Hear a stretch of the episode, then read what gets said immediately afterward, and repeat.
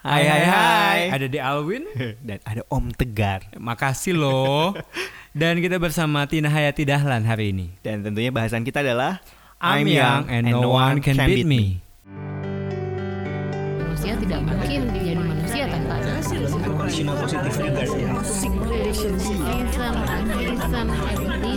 ada Manusia adalah individu yang selfish. Aksara Podcast.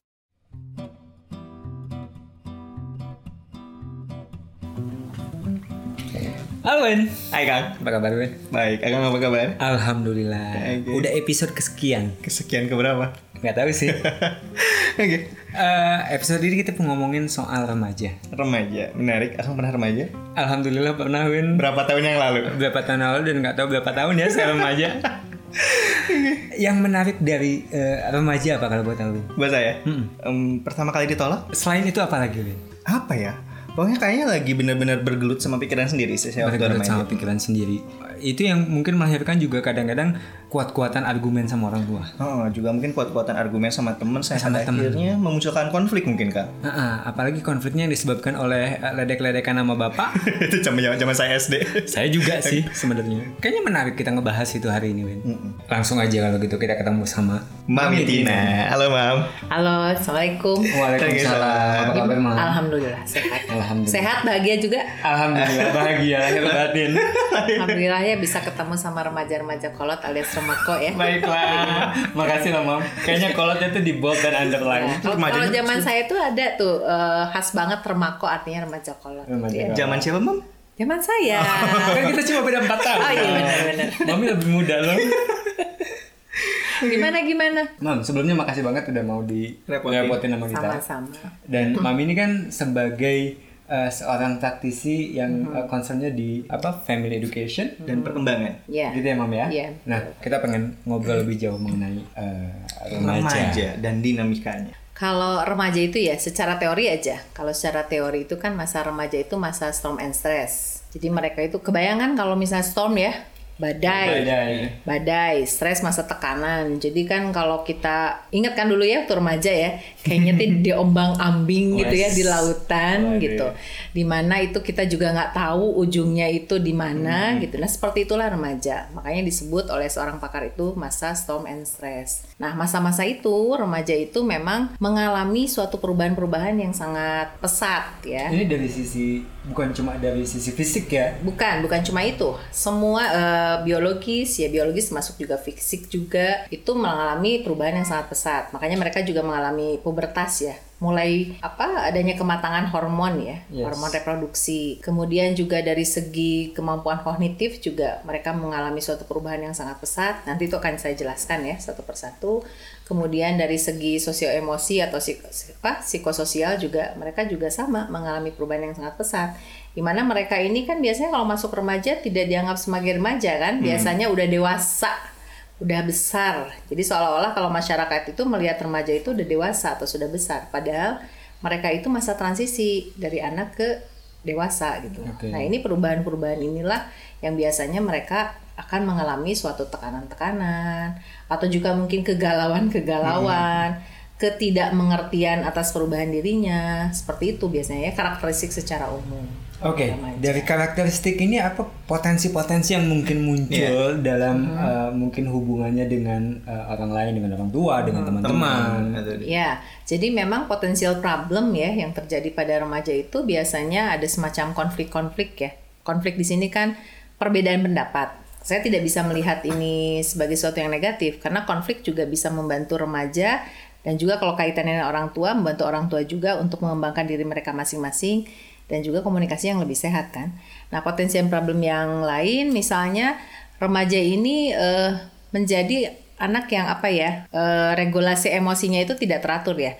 Artinya tidak teratur di sini mereka akan ada kesulitan ya. Ada hambatan-hambatan dalam regulasi emosi.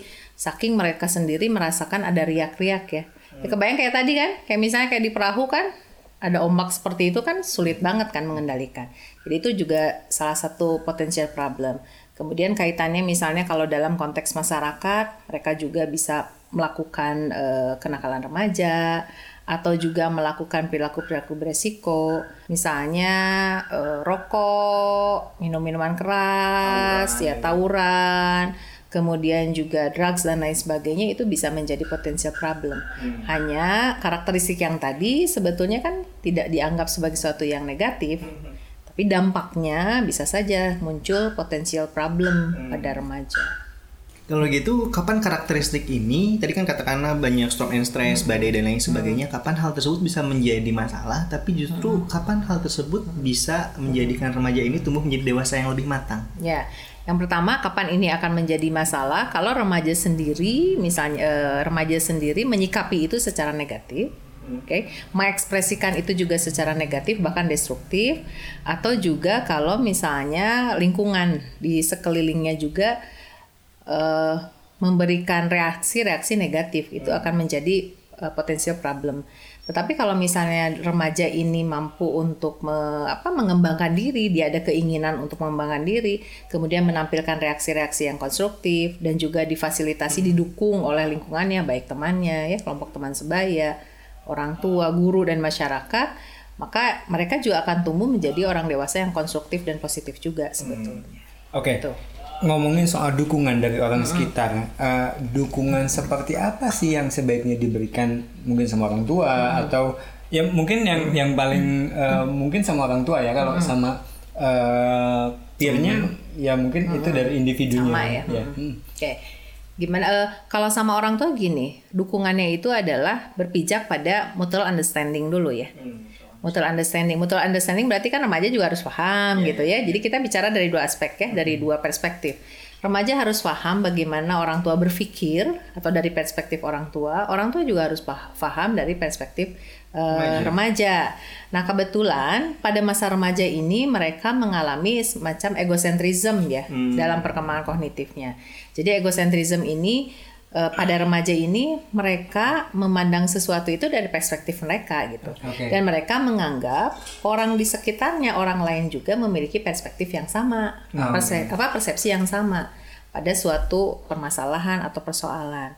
Sehingga ini bisa menimbulkan suatu permasalahan kan? Karena misalnya eh, remaja ini menganggap dirinya ini memiliki permasalahan yang luar biasa katanya gitu ya. Nah, dia menganggap orang lain juga akan berpikir hal yang sama gitu. Tetapi kan tidak demikian. Nah, ini biasanya akan menimbulkan permasalahan-permasalahan gitu ya. Oke, dalam kayaknya kita split dulu aja. Eh, kita ngomongin dulu apa yang harus dilakukan sama si remajanya dulu deh. Soal eh, banyak perubahan, banyak tuntutan, banyak keinginan. Apa yang kemudian si remaja ini harus eh, lakukan dalam yang- perubahan ini? Yang pertama sih remaja harus memahami ya, memahami bahwa dirinya sedang mengalami fase seperti itu.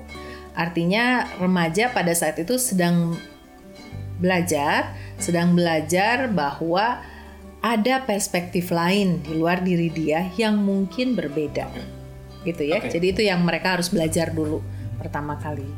Kemudian yang kedua, mereka itu juga harus belajar mengemukakan kan, mengemukakan bagaimana perspektif orang lain tersebut gitu ya kira-kira dari perspektif. Jadi gini, misalnya kalau ada suatu persoalan A, mereka memandangnya misalnya B nih dari pandangan remaja.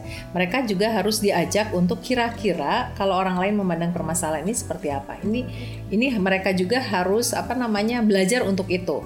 Artinya oh ya aku memandang ini jadi B ini ya. Kira-kira kalau aku memandangnya dari C ini gimana gitu. Mereka harus belajar ya dari diri dia ini. Tapi memang begini Kang Te, kita juga nggak bisa lepas ya bahwa apa yang harus dilakukan remaja itu murni Iya. dari diri sendiri. Tetap ada kaitannya dengan orang lain gitu.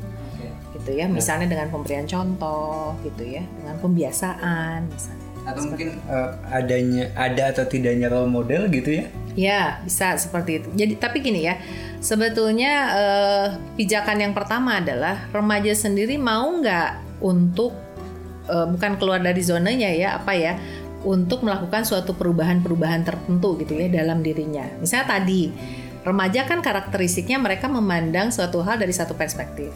Mau nggak dia belajar untuk melihat dari perspektif lain? Berarti kan readiness ini kan juga harus dibangun dalam diri remaja gitu. Eh, sekuat apa pun misalnya lingkungan memfasilitasi ya perkembangan remaja ini ke arah yang positif. Kalau remajanya tidak readiness kan ya nggak bisa juga gitu. Nah dalam diri remaja harus tumbuh dulu readiness. Iya. Salah satu kuncinya berarti di awal tadi bahwa Iya. remajanya mesti paham dulu Iya. mereka akan melalui perubahan-perubahan itu ya. Ya, dan Kemudian- ready, ready ya. Siap untuk melakukan perubahan dalam rangka menyambut masa dewasa. Gitu. Berarti dari kondisi tersebut yang menjadi kuncinya tadi bahwa remaja itu egosentris ya.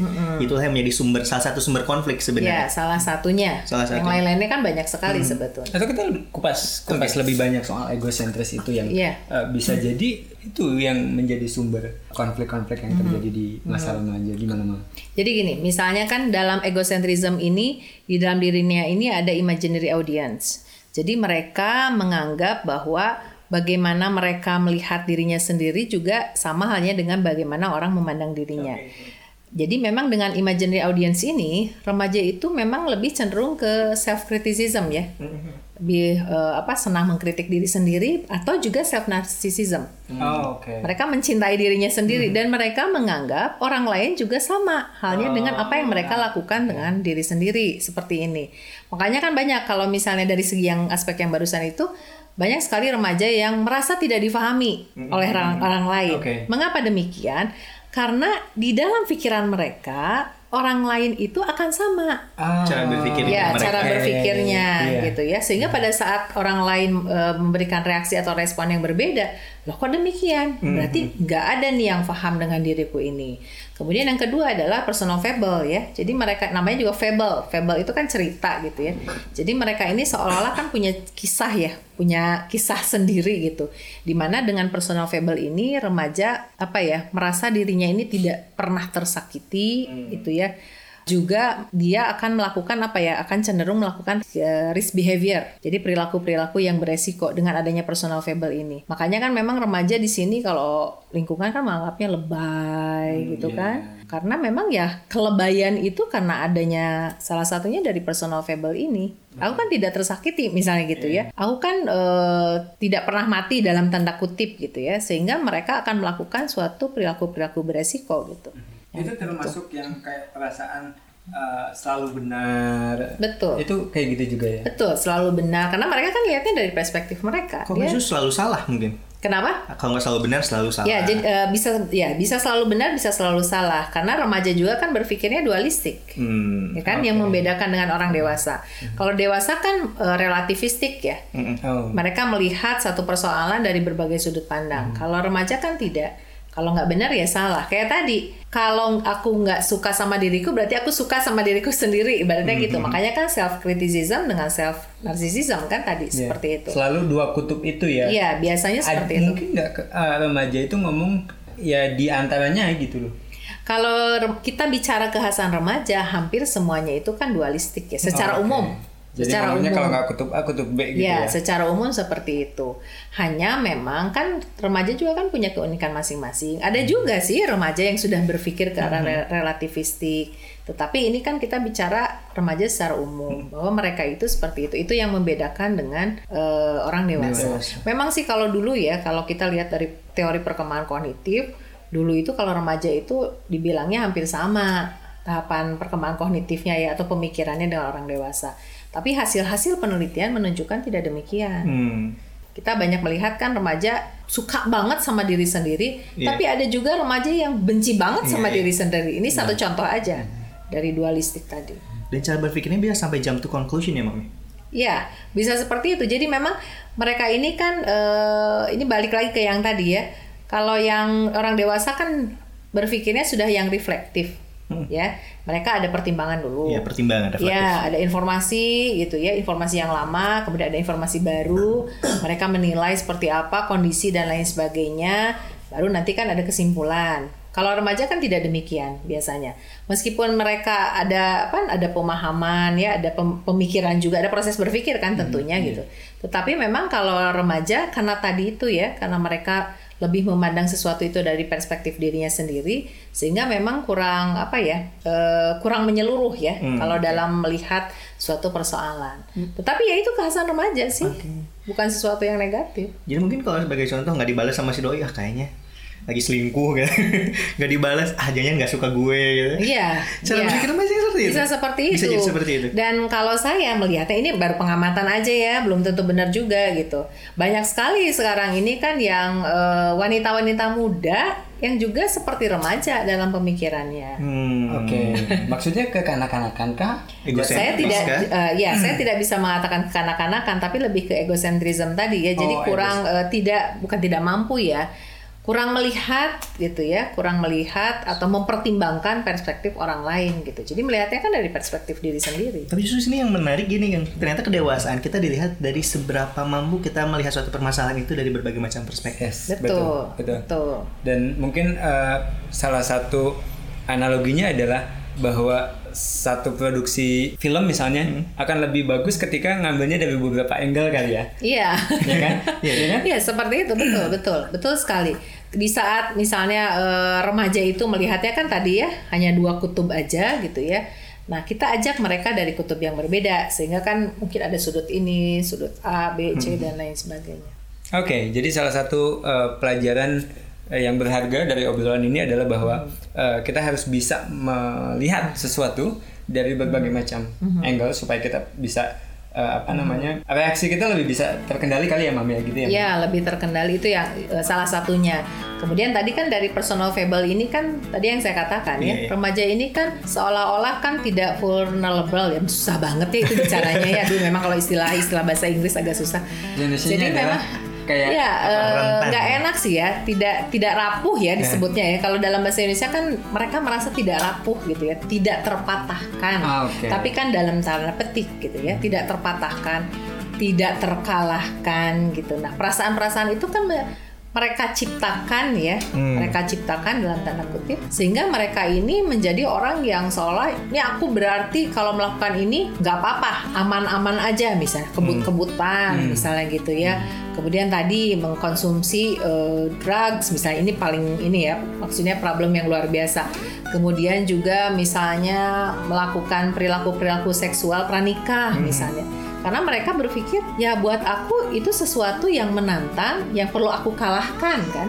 Akunya sendiri adalah orang yang tidak terkalahkan dari situasi-situasi itu. Nah ini tuh fabel atau cerita yang mereka buat secara personal, Betul. Itu apakah secara personal aja atau secara kelompok misalnya? kolektif. Ya, artinya kan kalau misalnya itu kalau kita bicara remaja, mereka kan peer group itu sangat berpengaruh ya di Iya. usia mereka ini. Otomatis kan kalau kita bicara lebih luas lagi, itu juga bisa menjadi kekhasan satu kelompok remaja ya, karena mereka kan udah mulai ada apa namanya intimasi dengan teman Oke, ya. oke. Intim itu kan bukan hanya dengan pacar ya, mohon maaf kalau dalam psikologi intimasi bisa dengan sahabat misalnya. Artinya kekhasan ini juga bisa menjadi suatu kekhasan kelompok pada remaja. Hmm. Makanya suatu kelompok tuh kadang punya karakter- karakteristik yang sama gitu. Betul. Hingga misalnya itu ceritanya kok ada kemiripan ya cerita apa personal fable-nya. Ya karena mungkin kelompoknya sama seperti itu. Hmm. Oke, itu tadi kita ngomongin soal dari sisi remajanya. Nah ini dari Ya. dari sisi eh, orang-orang yang lebih dewasa yang ada di lingkungan remaja, apa yang mesti dilakukan, Mam? Ya, yang pertama sih orang cara mendekati remaja karena mereka hanya melihat eh, perspektif diri sendiri dan tadi ya berpikirnya dualistik, maka jangan melakukan pembantahan terlebih dahulu pada saat mera- remaja meyakini itu. Bukan berarti kita menyetujui omongannya, tapi kita perlu mendengarkan. Apa sebetulnya isinya gitu ya. Misalnya eh, kalau misalnya kita bicara si remaja mengatakan bahwa nggak ada yang mengerti saya. Oke, kita bisa mengatakan balik dengan mengatakan apakah kamu sekarang bisa membaca apa yang saya pikirkan? Misalnya, bisa dengan mengajak seperti itu. Jadi bukan dengan menantang emangnya kamu juga paham saya. Nah, itu nggak enak banget gitu. Tapi kita bisa bertanya, coba sekarang misalnya katakanlah saya dengan anak saya. Ini mami ada di depan. Bisakah kamu membaca apa yang saya pikirkan sekarang? Itu kan praktek-praktek seperti itu membuat mereka, oh iya ya, aku kan nggak bisa Hmm. membaca apa yang orang lain pikirkan. Nah, seperti itu. Jadi bukan dengan pembantahan, tetapi dengan suatu stimulus-stimulus yang bisa merangsang mereka untuk berpikir dari perspektif yang berbeda. Oh, Oke. Gitu. Mhm. Dan ini mungkin ketika orang tuanya sendiri merasa lebih punya pengalaman, lebih merasa benar, kemudian Iya. terjadi bantah-bantahan dengan egosentrisme yang ter- terjadi tadi, malah tambah runcing kali ya. Betul, betul. Karena kan Oke. mereka berpikirnya dari sudut pandang mereka. Dia nggak akan ketemu-ketemu. Iya iya. Oke. Gitu. Ada lagi, Mam? Ya, eh, hasil penelitian ya waktu itu saya melakukan suatu penelitian ya tentang konflik remaja dan orang tua Jadi di situ orang terhadap 400 sekian ya Kang Te, 400 sekian anak eh, SMP dan SMA di Kota Bandung dan 400 sekian juga orang tua di situ. Eh, di situ ditemukan bahwa baik ayah ataupun ibu merasa bahwa mereka eh, resolusi konflik dengan remaja itu dengan negosiasi, artinya ada diskusi dan lain iya, iya. sebagainya. Mereka menilai seperti itu. Tetapi ternyata remaja sendiri menilai bahwa mereka lebih memilih mengalah gitu. Hmm. Remajanya. Remajanya. Mereka menilai bahwa resolusi atau penyelesaian konflik dengan orang tua itu mereka lebih banyak melakukan apa mengalah gitu ataupun menghindar. Artinya kan di sini eh, apa namanya remaja memilih untuk diam gitu ya daripada mereka mengko- apa menyampaikan apa yang menjadi hasil ya inspirasinya. Nah, apakah ada efek yang muncul karena eh, Dia memendam, nggak akhirnya- menyampaikan Ya, aspirasi. kalau di situ kalau kami lihat hasil dari penelitian ya, ini hasil penelitian, dampaknya memang mereka ada yang memang eh, cuek aja gitu ya dengan itu, ada yang juga merasa tidak puas ya hasil penelitiannya itu, bahkan ada yang mendampak mereka melakukan agresivitas terhadap orang lain. Hmm. Oke. Gitu ya, bahkan terhadap orang tuanya sendiri gitu. ya. Agresivitas itu sebagai bentuk ekspresi. Betul, sebagai Oh, bentuk oke. ekspresi. Oke, berarti tadi itu hal-hal yang bisa dilakukan oleh eh, orang tua maupun remaja sendiri bagaimana untuk menangani egosentrisme tersebut. Tapi kan mungkin kalau tadi kita lihat bahwa egos menangani egosentrisme ini melihat dari berbagai macam perspektif, ternyata kan masih banyak juga sebenarnya orang dewasa nih, Mam, yang melihat suatu permasalahan itu cuma dari sudut pandangnya sendiri. Apakah egosentrisme ini bisa terbawa sampai dewasa atau gimana ya? Ya, kan kita bicara tentang perkembangan ya. Hmm. Perkembangan itu kan perubahan, ya perubahan sedikit demi sedikit. Tapi perubahan ini ada yang ke arah positif, kan itu ya. Ada yang ke arah negatif, ada yang ke arah konstruktif, ada yang ke arah destruktif. Maka pada saat misalnya seorang remaja tidak mampu menyesuaikan diri dengan tuntutan ya di usia remajanya, maka itu akan terbawa sebetulnya sampai dewasa. Oke. Jadi dia melihat permasalahan dari satu perspektif aja gitu atau dua aja benar salah seperti Iya, itu. iya. Tapi kalau misalnya mereka mampu menyesuaikan diri dengan tuntutan dan juga mampu menyelesaikan suatu permasalahan secara konstruktif gitu ya, meskipun dengan kekhasan seperti itu, maka pada saat term- eh, apa dewasa mereka akan mulai mengembangkan pemikiran relativistik tadi. Oke, ini ada kaitannya dengan yang tadi puas dan tidak puas soal bagaimana eh, konflik eh, resolutionnya dengan dominan figur nggak, Mam? Dominan maksudnya gimana kan? Teh? Eh, maksudnya tadi kan hasil penelitiannya eh, sebagian tidak puas nih. Nah, ketidakpuasan ini apakah memunculkan egosentrisme yang kemudian terbawa? Dibawa. Oh, dibawa dewasa. nanti. Maksudnya eh, kan kalau tadi konteksnya dalam orang tua ya. Hmm, iya. Kalau hasil penelitian kan sebetulnya saya tidak bisa mengatakan apakah ini generalisasi nanti ya ke dominan figur yang lain atau Iya. tidak. Tetapi kan kalau secara logika berpikir bisa saja kan Hmm. karena kan kalau kita lihat dari kecil misalnya dominan figur itu kan orang tua. Kemudian pada saat sekolah kan ada lagi tambahan Iya, eh, guru, gitu kan. Kemudian nanti ada tambahan lagi siapa? Nanti pada saat bekerja kan pimpinan dan lain Hmm. sebagainya. Kalau pemahaman saya sih bisa jadi ya seperti itu. gitu. Nah, kalau misalnya ini eh, sampai terjadi, apa yang harus dilakukan?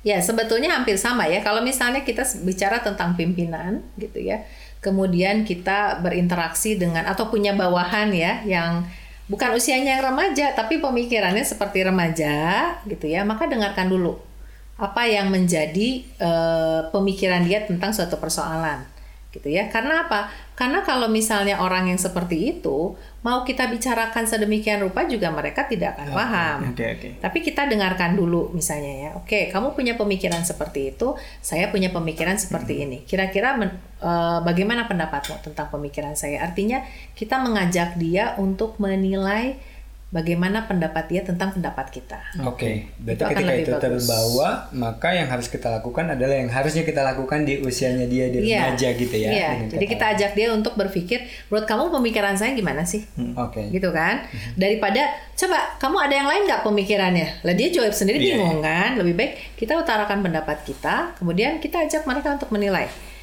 menurut kamu pendapat saya gimana nih gitu ya coba bedanya apa dengan pendapat kamu seperti itu Dan kalau untuk hal yang paling beresiko nih, Mam, ketika seorang dewasa tapi masih egosentris gitu. Hal, hal apa sih yang paling mungkin terjadi yang paling beresiko? Ya, yang paling beresiko sebetulnya yang kalau kita bicara tadi egocentrism yang eh, khasnya Remaja, remaja, ya, mau, mau itu aja dulu ya misalnya ya. Sekarang kita lihat, tapi ini sebetulnya butuh penelitian juga ya, butuh penelitian. Kalau kita kaitan egocentrism remaja, eh, di bawahnya ada personal fable gitu ya, ada imaginary, Imaginary audience. Jangan-jangan gitu ya, jangan-jangan fenomena yang bunuh diri kemudian menayangkan di FB, mohon maaf ya, kemudian banyak sekali misalnya apa status-status yang lebay dan lain sebagainya, jangan-jangan si personal fable-nya ke bawah gitu Oh, Oke. gitu ya sehingga mereka kan ingin ada audience ada yang menonton betul nggak ingin ada yang menonton ingin ada pusat perhatian kemudian mereka tidak berpikir dampak atau konse- konsekuensi kan kalau orang yang merasa tidak terkalahkan kan dia tidak memikirkan konsekuensi dengan Iya. Karena dia selalu menang. Dia selalu Iya, menang. selalu menang. Jangan-jangan loh, ini kan harus ada penelitian sebetulnya. Kalau saya sih melihat fenomenanya, aduh jangan-jangan ini sebetulnya yang personal fable sama imaginary audience remaja ini ke bawah nih sampai dewasa gitu. Hmm. Jadi terbayangkan betapa nanti eh, mudah-mudahan sih tidak ya. Kita akan melihat banyak sekali fenomena yang seperti itu. Orang mencari tontonan. Kan kalau orang ibaratnya gini, Iya, iya. kalau kita eh, bicara tentang eh, apa orang depresi ya, yang ada gangguan depresi, kalau mereka melakukan apa mereka putus asa, kemudian katakanlah mereka menyakiti atau bunuh diri, kayaknya kan butuh penonton ya. Yep. Hmm. Bener nggak? Mungkin Kang Awin kan belajar juga ya, udah banyak sekali seperti itu ya. Kan nggak perlu tontonan kayaknya kalau orang depresi yang beneran depresi, Iya. ya kan? Tapi kan ini enggak. Mereka menayangkan. Nah itu juga bagi saya ya gitu ya. Seka- eh, orang depresi akan mencari penonton untuk itu gitu. Kayaknya sih enggak gitu. Kalau ini sih pemahaman saya ya. Orang kan maksudnya bisa melihat dari perspektif yang lain. Kalau saya memandangnya seperti ini. Waduh jangan-jangan sekarang ini orang banyak sekali ingin ada audience gitu di dalam hidupnya dia ini. Eh, kalau yang tadi case-nya bunuh diri dan kemudian ditayangkan di FB, eh, apakah bentuk cari perhatian atau Ya kalau jatuhnya? gini sebetulnya kalau kita kaitan yang tadi yang namanya namanya juga audience imajiner kan. Mereka punya audience yang imajiner kan, yang belum tentu ada juga sebetulnya. Kalau kita kaitkan ya secara apa ya, ibaratnya secara dalam dalam keseharian lah, bisa jadi itu sebagai bentuk butuh perhatian kan. Karena tadi egocentrism itu kan self center Iya. berpusat pada diri sendiri. Nah, salah satu indikatornya kan bisa tadi cari perhatian. Itu kan hanya salah satu indikator aja. Tapi yang pasti kan egocentrism ini kan self center. ya, berpusat pada diri sendiri. Bisa saja bentuknya mencari perhatian ya. Kemudian juga eh, ingin orang lain itu ibaratnya men- menonton dirinya gitu dan lain sebagainya. Dan itu karakteristik-karakteristik remaja yang boleh jadi terbawa sampai dewasa. Boleh ya. jadi, tapi memang itu yang membuat saya, waduh ini sepertinya harus banyak sekali ya penelitian harus dilakukan tentang ini gitu. Jadi eh, tadi kita udah ngomongin soal eh, remajanya sendiri, apa yang harus mereka lakukan, atau orang tua yang punya remaja ya, Mam ya. iya. Dan eh, yang ketiga orang dewasa yang bahkan ketika eh, nggak punya anak remaja, jangan-jangan nih, Iya. jangan-jangan ya, Mam ya, eh, egosentrismenya masih terbawa sampai usia dewasa. Justru saya jadi introspeksi, aduh, egosentris nggak nih gitu. nggak cuma Alwin sih saya juga Win ya kan Iya, iya. dan mungkin audiens yang lain juga uh, bisa me- melakukan introspeksi diri jangan-jangan ada indikator-indikator yang kayak tadi uh, pengen jadi pusat perhatian ya namanya atau uh, menjadikan dirinya sebagai center gitu ya. Setelah akhirnya kita aware nih, oh jangan-jangan ternyata saya masih egosentris, ternyata aku masih egosentris dan apa sih yang harus kita lakukan sebenarnya mam untuk memperbaiki diri? Ya. Yang pertama ini dulu ya, mungkin indikator-indikatornya ya. oh iya gitu bahwa egosentrisme itu eh, menurut Elkain masih berlaku ya, masih terjadi di remaja itu merupakan suatu kewajaran kan.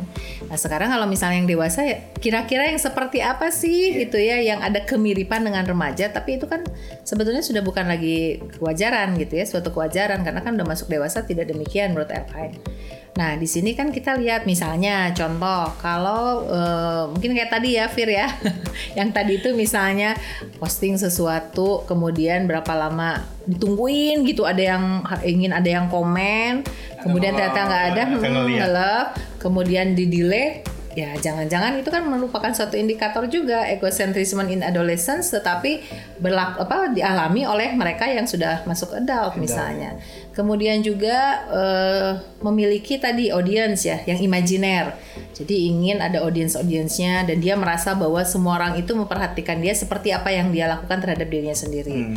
Atau orang lain membenci dia gitu ya sebagaimana ya dia juga membenci dirinya sendiri.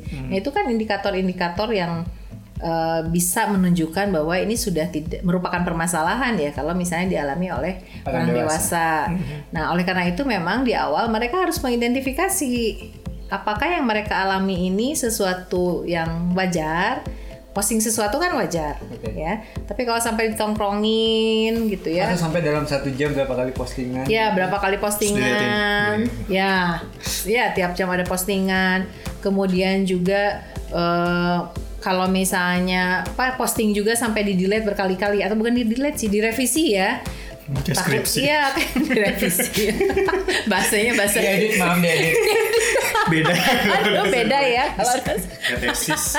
diedit ya sampai berkali-kali hapus lagi aduh kayaknya ini nggak pas misalnya gitu pokoknya kalau dia mengidentifikasi dirinya misalnya ada hal-hal yang seperti itu berarti kan harus ada perbaikan ya kan nah cara memperbaikinya adalah hal apa sih yang membuat dia ini misalnya mampu untuk menghargai dirinya sendiri secara positif? Ya. Menghargai, Menghargai diri diri sendiri menghargai secara dirinya positif. sendiri. Atau juga hal apa yang membuat dia merasa ada sesuatu yang bisa dia cintai dari dirinya sendiri tetapi yang unconditioned unconditioned itu tanpa pamrih. Jadi memang dia harus mencoba untuk berusaha untuk mencintai dirinya sendiri tanpa pamrih misalnya ya melakukan sesuatu ada kepuasan pada dirinya berarti kan itu sudah bagus. Coba ciptakan segala sesuatu yang dia sukai dan dia merasa puas jangan dulu dikaitkan dengan orang lain. Jangan dulu dikaitkan dengan penilaian orang lain. Pokoknya saya melakukan ini ada kepuasan gitu ya. Saya melakukan ini ada kesenangan. Saya melakukan ini ada kebahagiaan. Nah mulailah dari hal-hal yang eh, seperti itu. Kemudian misalnya yang berikutnya mulailah untuk mencoba ya melihat sudut pandang orang lain. Jangan lu memahami.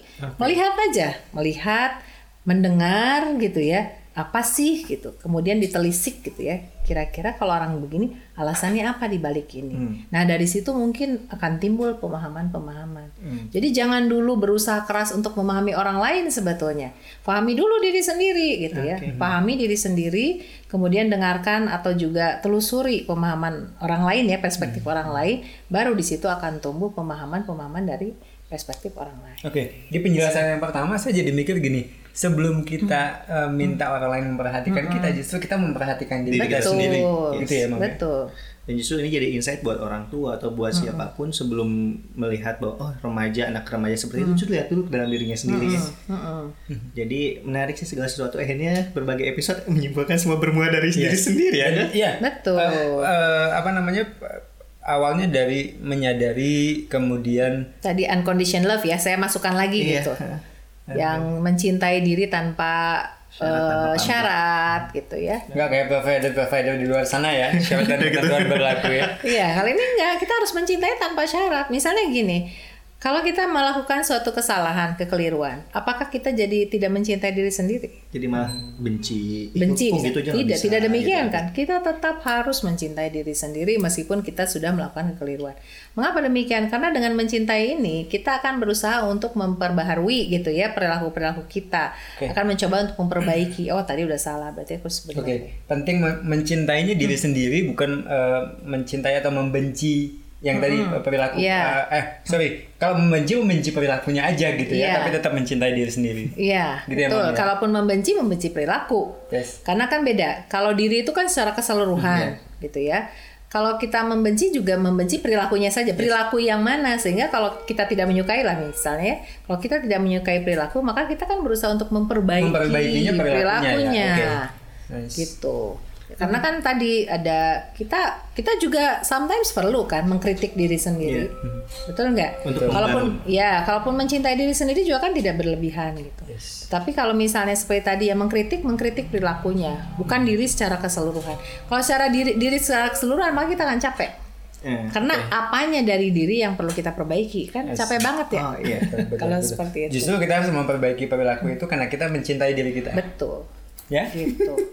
Oke. Oke, dan tadi kuncinya ada dua bagaimana untuk terlepas dari egosentris. Satu, tadi ada tadi hargai diri sendiri dulu. Hargai diri sendiri. Cintai diri sendiri dulu. Lalu yang kedua tadi coba untuk melihat dulu sudut pandang orang lain. Sebelum mencoba memahami. Atau bahkan jangan langsung judgement ya. Betul. Oke. Oke, menarik sekali. Mam boleh simpulkan mungkin pertemuan kita hari ini. Kalau saya bisa simpulkan ya, kita kan tadi bicara tentang egocentrism ya. Jadi egocentrism itu terjadi dimulai dari sejak usia dini sampai remaja. Ini saya mengambil dari satu tokoh karena banyak sekali ya yang bicara tentang egocentrism bahwa itu merupakan suatu kewajaran. Tetapi memang setiap tahapan itu berbeda-beda egocentrism ini. Nah, kemudian egocentrism ini kalau di remaja kehasannya membuat mereka ini punya audience imajiner ya atau imaginary audi- audience. Kemudian mereka juga memiliki personal fable. Artinya mereka punya cerita ya, cerita pribadi di mana mereka ini memang merasa bahwa mereka unik, bahwa mereka juga tidak tersakiti, tidak terkalahkan. Dan ini merupakan suatu kewajaran sebetulnya. Nah, hanya sekarang eh, apa sih yang harus dilakukan gitu ya pada di remaja ini? Maka ekspresi-ekspresi dari egocentrism ini cobalah diarahkan ke arah yang konstruktif ataupun positif. Nah, kemudian yang berikutnya eh, masyarakat perlu mewaspadai jangan-jangan egocentrism yang terjadi pada remaja terbawa sampai nanti pada saat dewasa. Di mana kalau demikian maka akan menjadi suatu potential problem ya bisa ke arah destruktif ya ke arah negatif. Kalau remaja kan tadi wajar ya, tetapi pada saat udah dewasa kan kita perlu waspada Yes. ya perlu waspada. Jangan-jangan kita adalah salah satu yang masih mengembangkan egocentrism ini yang tadinya harusnya dimiliki remaja gitu ya seolah kita ngerebut ya "Eh, ini punya gue juga gitu ya dibawa-bawa. masih dibawa-bawa sehingga ini perlu diwaspadai mengapa karena kalau misalnya individu-individu itu tumbuh seperti itu maka nanti kan akan berkembang menjadi masyarakat yang seperti itu maka kalau demikian nanti tenggang rasa gitu ya saling mencintai toleransi dan lain sebagainya juga tidak akan tumbuh pada masyarakat Oke. gitu ya. Luar biasa sekali ya. Luar biasa sekali. Mami Tina Dahlan terima kasih sekali lagi. Sama-sama. Eh, seorang pakar Perkembangan. Psikologi perkembangan dan juga Family eh, education. family education. Ya, Terima kasih sama-sama. sudah bergabung di podcast kami. Semoga episode kali ini bisa menginspirasi banyak orang, khususnya Amin. bagaimana mencintai diri, menghargai diri untuk bisa lebih mampu melihat dunia ini dari berbagai macam perspektif Yes, ya kak. betul. Oke. Sekali lagi terima kasih. Terima kasih buat semuanya sudah mendengarkan. Oke. Ini adalah akhir dari podcast episode hari ini. Oke dan ada Kang Tegar. Alwin Muhammad Reza, dua pamit. Assalamualaikum. Undur diri.